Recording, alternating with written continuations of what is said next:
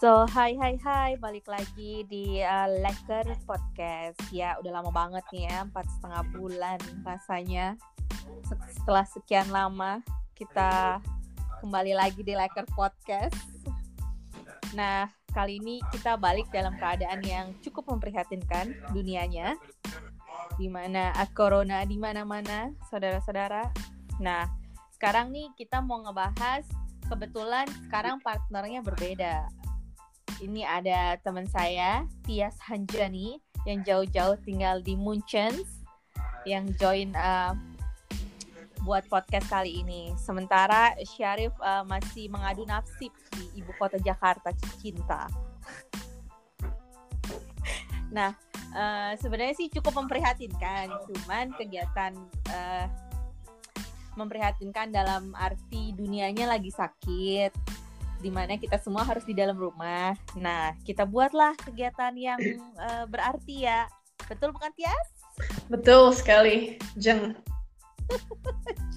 ya Allah, kuno banget sih panggilannya Jeng. iya nih, gue canggung maaf ya. ya maklum ya si Tias baru pemula buat ngepodcast. jadi Tias ini juga jadi uh, pertama uh, kita kenalin dulu deh. Uh, jadi gue tuh kenal sama Tias dari Maastricht juga. Jadi Tias itu senior di kampus gue ceritanya. Alah senior. Kagak ada senioritas. Tapi, tapi dia pindah ke Munchen karena dia kebetulan dapat kerja di sana dan gue pindah ke Eindhoven karena dapat kerja di sini. Jadilah kita berbeda. Nah, di masa corona corona covid ini gitu. Kita mau nggak mang manggilnya apa sih? Corona apa covid? Covid, COVID aja. Ya oke okay, covid. Nah uh, di masa covid ini tuh sebenarnya hampir semuanya kena efek dong. Nah uh, sekarang kita ngebahas uh, di Munchen gimana sih waktu pertama kali gitu kenapa ada ada ada kasus covid lah di Munchen. Hello guys, um, mungkin untuk safety of my company, gue nggak akan nyebut nama perusahaan gue apa, gue kerja di mana sekarang ya. Iya, yes, cuma perusahaan transportasi. Iya, pokoknya transportasi lah ya. So uh, ya, yeah, gue tinggal di Munich. It's been um, uh, six months ya, more or less. Uh, kemarin sebenarnya sih dari Januari uh, udah ada kasus ya cuman masih dikit banget di Munich. So jadi kayaknya pemerintah juga and everything masih was quite normal. Uh, itu di Munchen ya apa di Jerman? Munchen. Munchen. Okay. Uh, bagian yang uh, di di daerah Düsseldorf, Cologne, setahu gue mereka lebih dulu kena dibanding daerah Bavaria. uh, cuman kemarin yang bikin kita lumayan panik itu uh, one day kita dapat email dari founder kalau salah satu orang di kantor kita tuh yang kena. Jadi Um, iya, jadi langsung pas kita dapat announcement itu semua orang harus dipulangkan saat itu juga. So dari hari itu sampai sekarang kita masih work from home um, dan uh, kita baru tadi ada uh, pengumuman lagi kita bakal work from home sampai so far end of May. Uh, semua orang harus kerja di rumah uh, dan um, nggak tahu kalau kalian familiar apa enggak ya karena kan kita kan di bidang transportasi. Kalau dengar berita di Jerman kan ya as you know this is also recession ya. Uh, ya jadi di Jerman banyak banget company uh, yang udah meng, apa mengapply aturan uh, bike atau uh, part time jadi banyak company di sini yang uh, karyawannya kerja below uh, 40 hours per week ya jadi so, jadi kayak gini dulu kali itu uh, agak kejauhan nih ceritanya. Okay. Jadi waktu waktu itu lo yang yang pertama kali mereka bilang bahwa uh, dapat kasus terus work, work from home itu bulan apa? Uf, wow, that was early March or mid March, I think. Was it somewhere in March? Berat, ya kurang lebih lah ya kayaknya sama deh sama gue yang mulai mulai mulai mulai work from home gak sih? I think you started first. Lo duluan, iya. Oh iya ya true true. Kayak eh, jedanya cuma kayak seminggu sama lo deh singet. Ya cuman maksud gue gue lebih mikirnya measure di negaranya dulu deh nggak usah ngomongin oh, company oke. oke. Oke. Jadi waktu di negara itu waktu waktu di Munchennya sendiri uh, mulai ketatnya tuh pas kapan sih? Um, kalau pas ada peraturan semi lockdown baru kayaknya third week of March sih. Karena dari situ udah mulai angkanya makin tinggi makin tinggi. Kalau nggak salah sekarang udah sampai berapa ribu gitu. Cuman angka kematian memang rendah sih. Uh, mungkin orang tuanya dikit kali ya bu ngebeda uh, orang tuanya banyak. Cuman di sini kan orang orang tua pun tinggal sendiri kan. Jadi ya. kita kan di sini uh, apa ya komunitasnya kan very individualistik. Gitu. iya, gue. Ya, tapi itu kan in terms of uh, maksudnya Jerman sama Belanda kan mirip sebenarnya cuman tingkat kematian di sini jauh lebih banyak dibandingin di Jerman really? gue rasa. Iya kayaknya yang yang yang meninggal lebih banyak sih yang orang-orang tuanya gitu. Kalau nggak okay. salah. Ayo lo Gak tau gue masalah Belandanya sumpah. Di Jerman tuh belum dikit banget yang mati. Iya. Si Denny ngintip Ya sis gak usah di ngomongin kan. Oh ya udah maaf ya. Jadi kita nih lagi sih di rumah masing-masing. Nah itu ada cowoknya nongol tiba-tiba. maaf ya suaranya masuk di podcast ya Bo.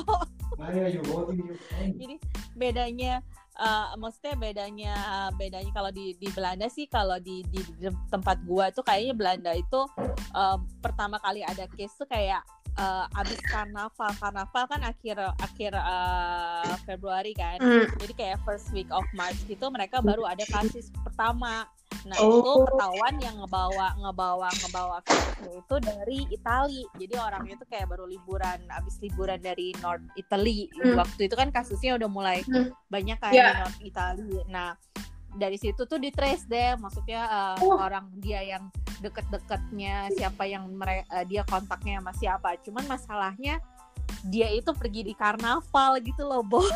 Jadi kayak susah juga Maybe, ya Bo. I think I remember the first time I heard the case uh, di Belanda itu di Tilburg. Yes yes. Yes yeah he, he just yes. came back from Italy. That's correct ya yeah. ya ya ya ya nah dari situ kasusnya ternyata uh, lumayan uh, jadi nambah banyak uh, orang-orangnya. Terutama di provinsi gua sih which is uh, North Brabant lah ya. Dulu Limburg Maastricht di Limburg provinsinya Belanda. Tapi sekarang Eindhoven di North Brabant. Jadi otomatis si provinsi North Brabant ini langsung pasang measuresnya yang lumayan ketat.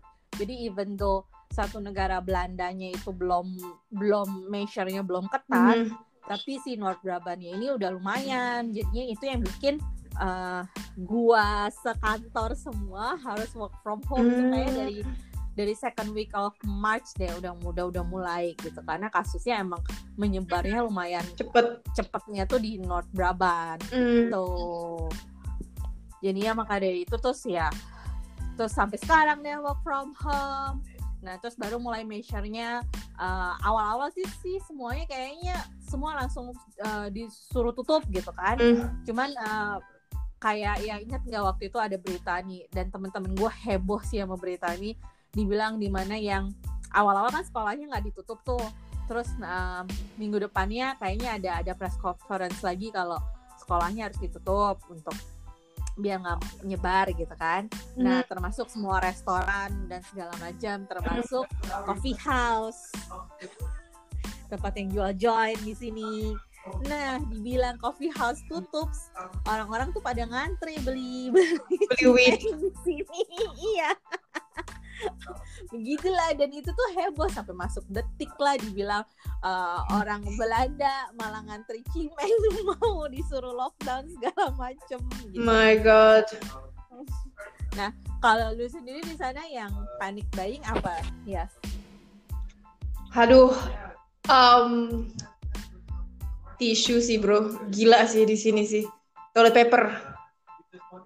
Itu doang nggak ada yang lain um, masalahnya mungkin gue quite thankful gue living di area yang banyak supermarket surrounding. Tapi like in everywhere near my place itu dari mulai toilet paper sampai tisu buat tangan, pocket tissue sampai tisu biasa tuh semua habis.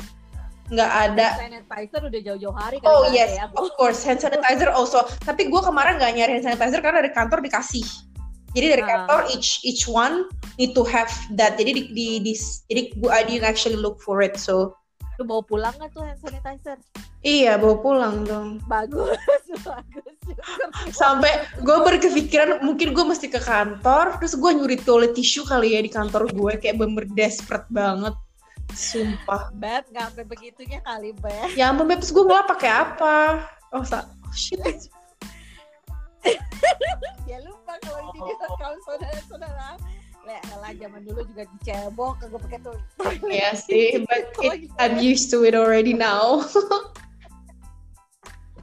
Ya yeah, I really thought kalau uh, sebenarnya panik buying itu gue pikir gak bakal kejadian di negara semaju Belanda yeah. gitu ya. Apparently tidak. Saudara-saudara dan gue kesel banget gitu. Karena gue cukup mencaci maki melihat berita uh, apa panik buying di yeah. Indo gitu orang-orang beli indomie yeah. lah beli beras lah beli tisu lah segala macam gitu kayak kayak kayak doomsday is near gitu kan gue pikir itu nggak bakal kebaik kejadian di sini eh ternyata bener-bener dong iya. kejadian yeah. dan gue sih berusaha yeah. untuk nggak nggak nggak nggak ikutan panik buying karena maksud gue ya udah secukupnya hmm. aja kalau masih punya stok tisu yeah. ya udah lah yeah. gitu tapi yang di sini dasar orang Belanda ya bo ya yang habis adalah tisu dan roti. Nah, lucunya mungkin karena gue udah mulai beberapa kali ngedate sama cowok yeah. Belanda yang gue lihat ya ini cowok eh bukan ini bukan ini cowok-cowok ini orang Belanda ya seneng beli roti banyak terus dimasukin freezer yo jadi mereka li mereka literally punya freezer satu uh, yang berapa slotnya itu isinya roti doang. Gue makanya lucu ya oh ya berapa pantesan mereka nyetok nyetok nyetok uh, roti ya orang tinggal mereka masukin ke freezer hmm. kan. Tapi emang dasar orang Belanda sih jadi roti pun dihabisin sama dia. Cuman terus yang yang agak susah gue cari itu juga adalah vitamin C. Kalau hmm. kalau tisu habis memang tapi nanti uh, along the way kayak seminggu dua minggu gitu udah udah udah ada lagi. Terus yang susah adalah vitamin C. Hmm. nyari nggak vitamin C sih? Aku udah punya vitamin C sih sebelum kejadian jadi nggak nyari. Nah, aku juga nggak nyari, tapi ternyata sekarang stok gua udah menipis, gue bingung jadinya karena di mana-mana nggak ada vitamin C kan? Sebel kan? Iya ya. Vitamin C sama hand sanitizer kan biasa lah pasti. Terus gue ah, gue berpikir nih waktu itu ah gue nggak usah deh nyetok nyetok beli tisu gitu hmm. kan. Karena gue pikir nanti bakal ada terus ada masa yang di mana setiap setiap hari itu hampir gue keluar cuma untuk jalan-jalan ke supermarket doang gitu kan biar nggak bosen. Ada masa yang tiap hari gue keluar kok ini tisu tisunya habis mulu ya? Tisunya habis mulu kan? Kan bikin panik ya Bo.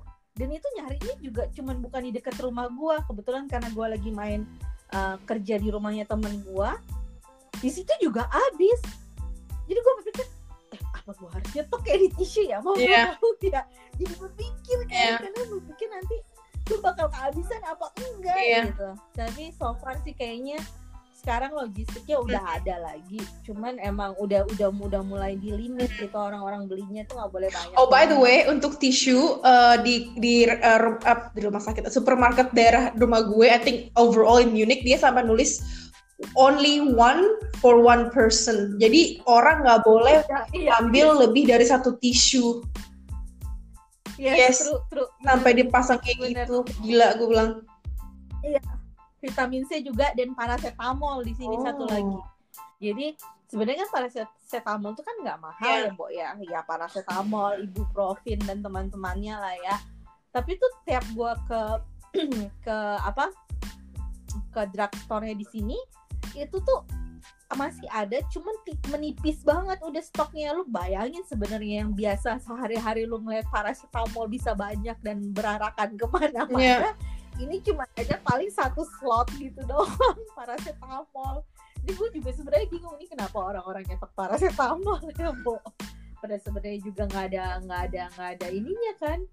Nggak ada nggak ada efeknya juga lu nyetok ke paracetamol sebenarnya. Ya yeah, I don't know no it doesn't happen here in Munich. Tapi ya itu sih toilet paper gila sih. Hmm. Mungkin fenomena lain yang mood gue honestly gue nggak nyangka jadi kenyataan kayak bener-bener di sini tuh social distancing tuh sejak yang masalah itu bener dibatasin banget jadi berapa orang yang masuk supermarket uh, lo mesti jaga jarak semua ada kayak di ubin di di, di floor itu ada tulisan one and a iya. half one and a half yeah. itu udah mulai dari sejak awal yang orang borong-borong segala macem yeah. Iya, iya. Terus kalau sekarang di sini tuh di supermarket itu kayak di kasir yeah. udah dilapisin uh, plastik, plastik gitu kan. Jadi jadi toko-tokonya pun sebenarnya di sini kalau uh, kalau ngebaca measure dari pemerintahnya itu dibilangnya bahwa kalau si tokonya itu tidak bisa membuat mm -hmm. jarak satu setengah meter di antara customernya nggak boleh buka yeah. intinya gitu. The same. Uh, jadi terus sekarang kalau dulu kan pak bawa gredek kecil gitu doang boleh nih. Sekarang harus bawa pakai troli yang gede gitu tiap mau belanja sebiji juga mesti bawa oh my god same. But why? Gue juga kayak gitu di sini. Ya ya itu kan bikin biar ada jarak. Oh oke okay, now I get it. Oke okay, oke okay makanya biar dipaksa lu bawa troli gede itu biar lu tetap ada jarak sama orang ah. gitu. nggak terlalu mepet-mepet kan kadang mungkin orang lupa atau gimana yeah, gitu. that that makes sense actually now oke okay. Ya, tapi for sure sih yang pertama kalau yang di sini gue gue nggak berani naik public transportation at all. Jadi sejak dari dari bulan awal mulai work from home, gue nggak pernah naik public transportation mau bus mau apa, gue nggak berani sama sekali jadi kalaupun pergi ke mana-mana biasanya nebeng temen gue yang punya mm-hmm. mobil jadi mau nggak mau lebih aman lah ya Bo mm-hmm. ya um, gitu. kalau gue sih di Munich ya I don't go anywhere as well tapi kalau ke rumah cowok gue harus mesti masih pakai public transport bisa jalan sih cuman the time gue masih pakai pakai U-Bahn paling dua station terus another thing yang mungkin shock gue lagi di sini kayak di Munich tuh sebenarnya nggak nggak seketat yang kayak lo nggak boleh keluar kayak di Paris kan bener lo kalau mau keluar harus ada izin segala macam. Yes, yes. Kalau di Munich tuh selama hmm. lo keluar sendiri atau max dua orang atau sama family masih nggak apa-apa. Terus lo mau lari juga nggak hmm. apa. Tapi lo sunbathing hmm. tuh nggak boleh. So gue pernah kejadian sekali gue lagi di taman deket rumah gue itu tuh polisi tuh di mana-mana sampai it was the first time gue ngeliat polisi di taman deket rumah gue gue tuh gue sampai ngeri banget sampai gue balik lagi ke rumah. Padahal gue cuma mau muter-muter doang. Terus gue kayak eh, takut diciduk ya? Takut diciduk ya? Takut diciduk iya lagi ya. lo gue lagi ngeri banget kayak aduh nih kenapa tiba-tiba ada polisi? And apparently kayak hampir di semua taman tuh ada polisi. Sekarang lo mau jalan ke mana semua taman tuh ada. Apalagi lagi udara kayak gini kan orang masih mau pada mau keluar berjemur. Nah, betul. Betul. Dan ini yang paling sebelnya lagi adalah ketika orang-orang disuruh karantina mataharinya keluar. Di mana? Di Belanda itu mataharinya jarang banget keluar. Gue sebel ya Bo. Makanya gue sebel. Giliran ini mataharinya keluar eh giliran ini karantina cuacanya langsung 20 yeah. 21 22 mataharinya nyentrong seterang-terangnya terus sunsetnya jam 8 lebih gimana gue nggak hasrat pengen keluar yang menggebu-gebu coba. Iyalah pastilah you can wear short skirt you can wear sandal iya makanya. Ya mau dipakai di mana sih sekarang? Toko-toko tutup semua tempat ngeceng nggak bisa. Restoran semua tutup. Oh kalau di sini taman masih banyak cowok-cowok cakep cin. Ah jadi nah eh, kalau di sini kayaknya nggak seketat Jerman sih kayak di taman-taman gitu emang masih buka nah yang lucunya yang gue kagetnya adalah kayak bangsa tiga minggu yang lalu gitu uh, market di deket rumah gua tiap hari Sabtu tuh udah mulai buka. Nah gue bingung dong, ya masa di cuaca, eh, maksudnya bukan di cuaca di keadaan kayak begini market masa masih disuruh buka hmm. gitu kan? Maksud kan itu kan kayak mancing masa sebanyak itu hmm. dong.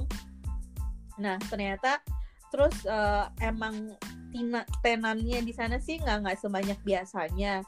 Cuman dibikin measure-nya gitu juga. Jadi orang-orang tuh dikasih jalurnya gitu biar tetap hmm. jaga jarak satu setengah meter.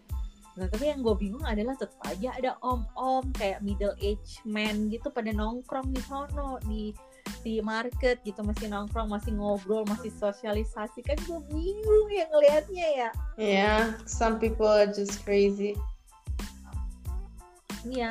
Terus tapi yang lucu di sini adalah uh, ada kayak satu kegiatan gitu yang buat uh, jadi mereka ada bikin community gue nggak tahu namanya namanya Belanda gitulah nah mereka uh, itu bisanya jadi acara bukan acara sih uh, jadi itu di setiap jendela luar yang ada ke jalan itu ada yang partisipasi untuk naruh boneka teddy bear mm -hmm. di mm-hmm. depan nah itu tuh untuk buat anak-anak kecil yang keliling-keliling buat nyari nyari tahu. Dan itu tuh bisa dikonek ke Google Map jadi dari Google Map nanti ketahuan nih tempat teddy bearnya ada di mhm. mana. Mm -hmm. jadi istilahnya buat hiburan anak kecil sih buat di masa-masa COVID ini biar nggak bosen. Jadi mereka keliling keliling hmm, daerah rumahnya yang deket-deket untuk nyari si teddy bear doang. Wow karena kebayang gak sih lo kalau misalnya sekarang gue sih ngeliatnya ngeliat dari bos-bos gue semuanya yang yang punya anak kecil lah gitu ya mm -hmm. uh, mereka dikurung di rumah 24 jam selama berapa bulan kan nggak yeah. mungkin ya Bo ya namanya anak kecil yeah. plus orang tuanya juga parentnya kan di sini kan nggak kayak Indo yang ada yang ada pembokat lah ya Bo jadi mau nggak mau mereka mesti punya kegiatan mereka mesti planning kegiatan sama anaknya itu mesti ngapain segala macam mesti ngatur lah mesti ngatur lah waktunya mereka kerja biar sama-sama tetap bisa kerja parentnya dua-duanya. Itu sih gue ngeliat strugglingnya orang-orang yang punya yang punya keluarga sih gue ngeliatnya di sini. Yang kerja kantoran gitu lah mm -hmm. nah terus lo apalagi nih Yas di sana Yas um, apalagi di Indo deh. Gimana ya ngeliatin di Indo beritanya? Sebenarnya gue tuh punya tiket pulang cuman gue jadi ngerasa agak-agak takut nih mau pulang ke Indo. Karena gue merasa lebih aman di sini dalam keadaan seperti yeah. ini itu biasa itu. Maaf ya bukan bukan mengecilkan orang Indonesia cuman gue ngerasanya uh, measure-nya segala macam tuh di sini lebih tidak dipolitisasi lah ya, Bo. Iya. Yeah. sama orang-orang. Yeah. Gitu gitu loh. Mereka lebih concern emang concern sama masyarakat Indonya uh, sama masyarakat penduduk sininya aja biar lebih baik yeah. gitu. What do you think? Menurut lu gue harus pulang apa enggak? Uh, kapan lu uh, tiketnya? 31 Mei sih uh. dan gue tahu measure-nya di Indonesia sih katanya sampai 28 Mei ya? Uh, kalau gue jadi lo sih gue gak akan pulang sih. Uh, reasoning juga takutnya pas nanti lo mau balik lagi ke Belanda, they will ask you a lot of questions and then lo bakal suruh di karantin dulu and you never know mungkin pas beberapa Belanda lo ternyata kena COVID ya you'll never know. I mean, I'm just saying that right now kita di lo udah lama tinggal di Belanda gitu. Nyampe Indo kan hmm. antibody lo tuh udah lumayan berubah lah ya menurut gue I'm not saying anything bad about it but like tapi lo udah terbiasa dengan situasi di Belanda gitu loh. Gue takutnya aja lebih bersih lah when you're coming back something is is gonna happen honestly for me gue dapet letter dari government gue karena gue kan masih working visa di sini. Gue dibilang gini di letternya if you leave Germany I cannot re-enter. Sampai bener-bener situasinya oke okay di sini. Iya sih di sini sih nggak nggak seketat itu sih gue yakin sih. Cuman ya emang gue gue juga mikir satu di satu sisi gitu gue nggak mau bawa yeah. virus ke Indo ya kan apalagi kalau misalnya gue pulang let's say gue pulang ke Bali gue langsung selalu mainnya sama orang yang lebih tua gitu lah hmm. sama sama family lah yang lebih tua semuanya. Gue pasti mengunjungi para tetua-tetua gue kan di rumah.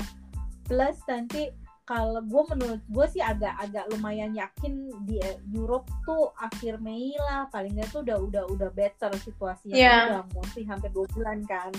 Ya. Cuman masalahnya gue takut juga nanti kalau gue saatnya gue malah yang gue yang bawa virus dari Indo ke sini lagi. Mulai lagi kan gelombang kedua gak lucu loh iya. Makanya it's it's it's risky sih I think. Hmm, ya tapi lu uh, nyadar gak sih kenapa kayak Belanda or Jerman gitu nggak ngambil tindakan untuk lockdown seketat si Prancis atau Italia gitu menurut lo apa? Kalau menurut gue um, kalau menurut gue sih Jerman dan Belanda juga lebih confident karena mereka juga mungkin ngitung kayak oh jumlah uh, bed ICU-nya berapa, jumlah you know in terms of kesehatan mereka ngerasa lebih prepare ya menurut gua. Iya kan kalau kalau ngelihat katanya uh, uh, Prancis is the best insurance health insurance. Yeah, but that doesn't mean they have enough ICU beds, right? That doesn't mean they have enough apa tuh namanya yang buatin pernafasan ventilator. Yeah, ventilators. Oh my god, I feel so bad. You know, even now in Germany, so, although kita udah banyak banget kasusnya di sini, cuman kemarin kan gue ngeliat dari health ministernya masih bilang we still have 10,000 beds, free beds all over the country. Even sampai sekarang kita uh, juga udah ngambil pasien dari Spanyol, dari Itali, because we we are prepared gitu. Dan gue ngerasa di Belanda pun yeah lumayan ya. Iya. Ya, ya. Karena kalau yang gue tahu nih ya, um, ya menurut gue sih lumayan cukup jahat gitu kalau orang yang pernah tinggal di Belanda tuh pasti tahu banget gitu. Even lu ke dokter cuman um, ke dokter ke dokter cuman ke Belanda doang. Uh, kalau misalnya lu flu pasti lu nggak nggak disuruh nggak di dokter tuh cuma disuruh suruh ini kan suruh istirahat suruh minum paracetamol gitu doang kan nah dengan covid ini even lu nggak boleh datang untuk ke GP-nya kayak ke dokter umum gitu nggak boleh cuman by phone. Jadi lu by phone lu bilang bahwa lu punya histori penyakit apa lu punya uh, simptom apa. Kalau mereka itu mereka pikir bahwa itu kayak uh, covid dan mereka akan ngecekin lu setiap hari selama seminggu ke depan untuk mastiin lo tiap pagi, pokoknya sehari bisa dua kali deh lu diteleponin gitu. Tapi mereka nggak bakal dites. Jadi di sini tuh kayak nggak ada sama sekali tuh masalah rapid test rapid test kayak di Indo tuh sama sekali nggak ada nah kalau dalam seminggu itu simptomsnya benar-benar masih worse juga dan baru lo uh, di dikasih undangan buat tes dan itu juga langsung ke hospital nggak ke GP-nya gitu. Hmm. Um, jadi emang benar-benar orang yang yang dites pun benar-benar orang yang membutuhkan dan nggak semua kalaupun misalnya lu nggak nggak bukan simptom yang parah kalau cuma macam panas batuk gitu doang lu nggak bakal di ini juga nggak bakal dimasukin rumah sakit. Karena kalau yang gue lihat tuh kayaknya di Indo udah positif covid. Mau pokoknya lu langsung dimasukin ke rumah sakit oh, gitu, gitu. kalau di Indo. Iya kalau gue ngeliat. Jadi mereka makanya mereka bikin rumah sakit uh, rumah sakit rumah sakit gitu kan di Indo. Nah, kalau di sini nggak ada. Jadi memang benar-benar orang yang di yang yang di rumah sakit hmm. tuh orang yang benar-benar yang kayak butuh ventilator yang hmm. kayak gitu. Selama lu masih bisa apa pun itu sendiri ya, lu stay at home aja gitu. Hmm. Iya, nggak ada jeleknya juga sih kayak gitu mood gue. Uh, to be honest, gue nggak terlalu knowledgeable tentang ngetes di sini gimana ya. Cuman oh, sorry guys. Kamu so far lu lu update terus nggak tiap hari angkanya berapa gitu? Di sana Enggak kan Jujur gue gak update tiap hari masalah oke okay, berapa yang kena segala macam. Intinya gue selalu mikir oke okay lah gue harus ngecek tiap hari apakah pernapasan gue oke okay, apakah gue ngerasa oke okay, apakah badan gue oke. Okay. selama gue ngerasa oke okay, gue gak ngecek tiap hari in terms of angka. Cuman gue ngecek tiap hari apakah ada ini nih uh, restrictionnya bakal bakal lebih strict atau enggak karena uh, today uh, uh. or yesterday kita baru dapat kabar kalau um, mulai minggu depan itu beberapa toko udah mulai open lagi asalkan tidak yeah. lebih bisa dari 800 square meter karena uh, karena uh, dibilangnya ya karena kita sudah makin banyak orang yang sembuh, angka kematian terkontrol dan sepertinya uh, pemerintah udah memang udah lumayan siap ya untuk untuk ngatas itu. Jadi mulai ke depan bakal lebih open. Apa bahasanya loosen loosen the measure. Loosen the measure exactly. Uh, yeah, so basically ada so banget sih gue ngomong bahasa Inggris ya Allah. Ya intinya plannya seperti itu ya guys. Saya kan jadi kayak cinta Laura nih gue. Uh, iya kalau di sini kayaknya masih mungkin bakalan ada jadi kalau di itu kan di Jerman tuh lu baru dapat beritanya kalau di Belanda yang buat eh tapi lu uh, di sana uh, lockdownnya dibilang masih sampai tanggal berapa? Akhir Mei ya?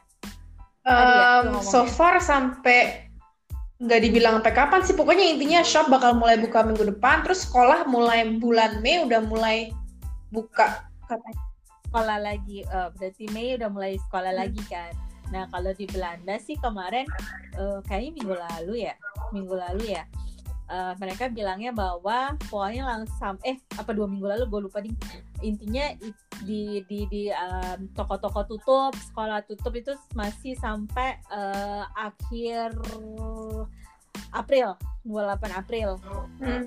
cuma nanti habis itu tapi gue ngerasain gue karena udah mulai ada omongan ini buat kayak kayak loosen the measure segala macam. Tapi kalau ini gue ngeliat itu angkanya kasusnya tuh tetap masih tinggi tinggi aja gitu naiknya.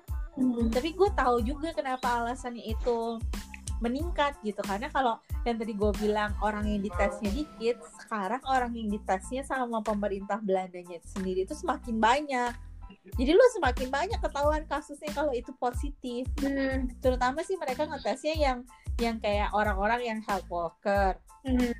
sama yang di nursing home jadi orang-orang yang di luar rumah sakit mereka mulai tes kalau sekarang jadi kelihatan tuh kasus kasusnya masih lumayan hmm. naik cuman in term of hospitalization-nya mm-hmm. udah mulai turun. Oh nice. Iya, padahal tuh kemarin gue ngeliat, wah wah, angkanya udah mulai turun nih, lumayan nih. Gue pikir bakalan uh, mulailah gitu. Cuman kayaknya enggak deh. Terus tadi baru ada update call gitu kan dari dari kantor gue, kantor uh, salah satu big four accounting firm itu, gitu kan. Mereka prediksi bahwa ini sebenarnya situasi kayak gini bakalan sampai summer 2021 dong Bo. Kan gue mau nangis ya rasanya ya Bo ya. masa gue di rumah sampai summer 2021 bisa gila gue. Ya, tapi ya go ahead. Ya, cuma sih intinya sih mereka bilang bahwa uh, apa uh, lu tetap disuruh habisin cuti gitu. Biar biar utilization rate lu bagus. Kantor kantor yang merugi ya. Cin. Iya gitu. Tapi kayaknya sih uh, kalau gue baca beritanya gue ngelihatnya mereka udah mulai mulai cari cara gimana supaya tetap bisa jaga uh, keep the distance tapi lu udah tetap bisa mulai masuk kerja sih gue ngelihatnya arahnya ke arah ke arah situ yeah. gitu cuman ya let's see ya Bo. Dan di sini nggak disuruh pakai masker gue bingung sampai sekarang kita juga nggak kok nggak di compulsory karena setahu gue di Austria itu di di compulsoryin kemarin Iya, dan kayak maksudnya kalau gue ngeliat kayaknya di Asia, Southeast Asia gitu semuanya orang dipakein wajib kan. Nah, kok gue malah dengernya sekarang yang nyuruh wajibin pakai masker adalah si WHO-nya ya, gue bingung. Tapi di sini gue nggak wajib ya sih. Wah, laki lo udah mulai bersuara. kayak ini kalau ngomongin COVID kagak bakalan Iya bro, ceritanya panjang banget. Yoi, jadi mungkin uh, untuk bahasan kali ini kita uh, sampai di sini aja dulu. Mm -hmm. Tapi nanti mungkin kita update lagi nih tentang gimana COVID uh, aktivitas selama from home. Boleh home. banget. Ya. Jadi guys, stay at home, keep healthy, putuslah mata rantai si COVID ini, yeah. dan jangan lupa jangan lupa cuci tangan ya, Bo. cuci tangan, jangan lupa. Jangan pegang muka banyak-banyak. Kalau dipegang sama laki muka gimana? Disuruh cuci tangan dulu ya, Bro. Hati-hati ya. Beneran lo ya. Tetap ya. Thank you. Thank you, Medi. ketemu lagi, lagi. Iya. Enjoy the podcast. Enjoy.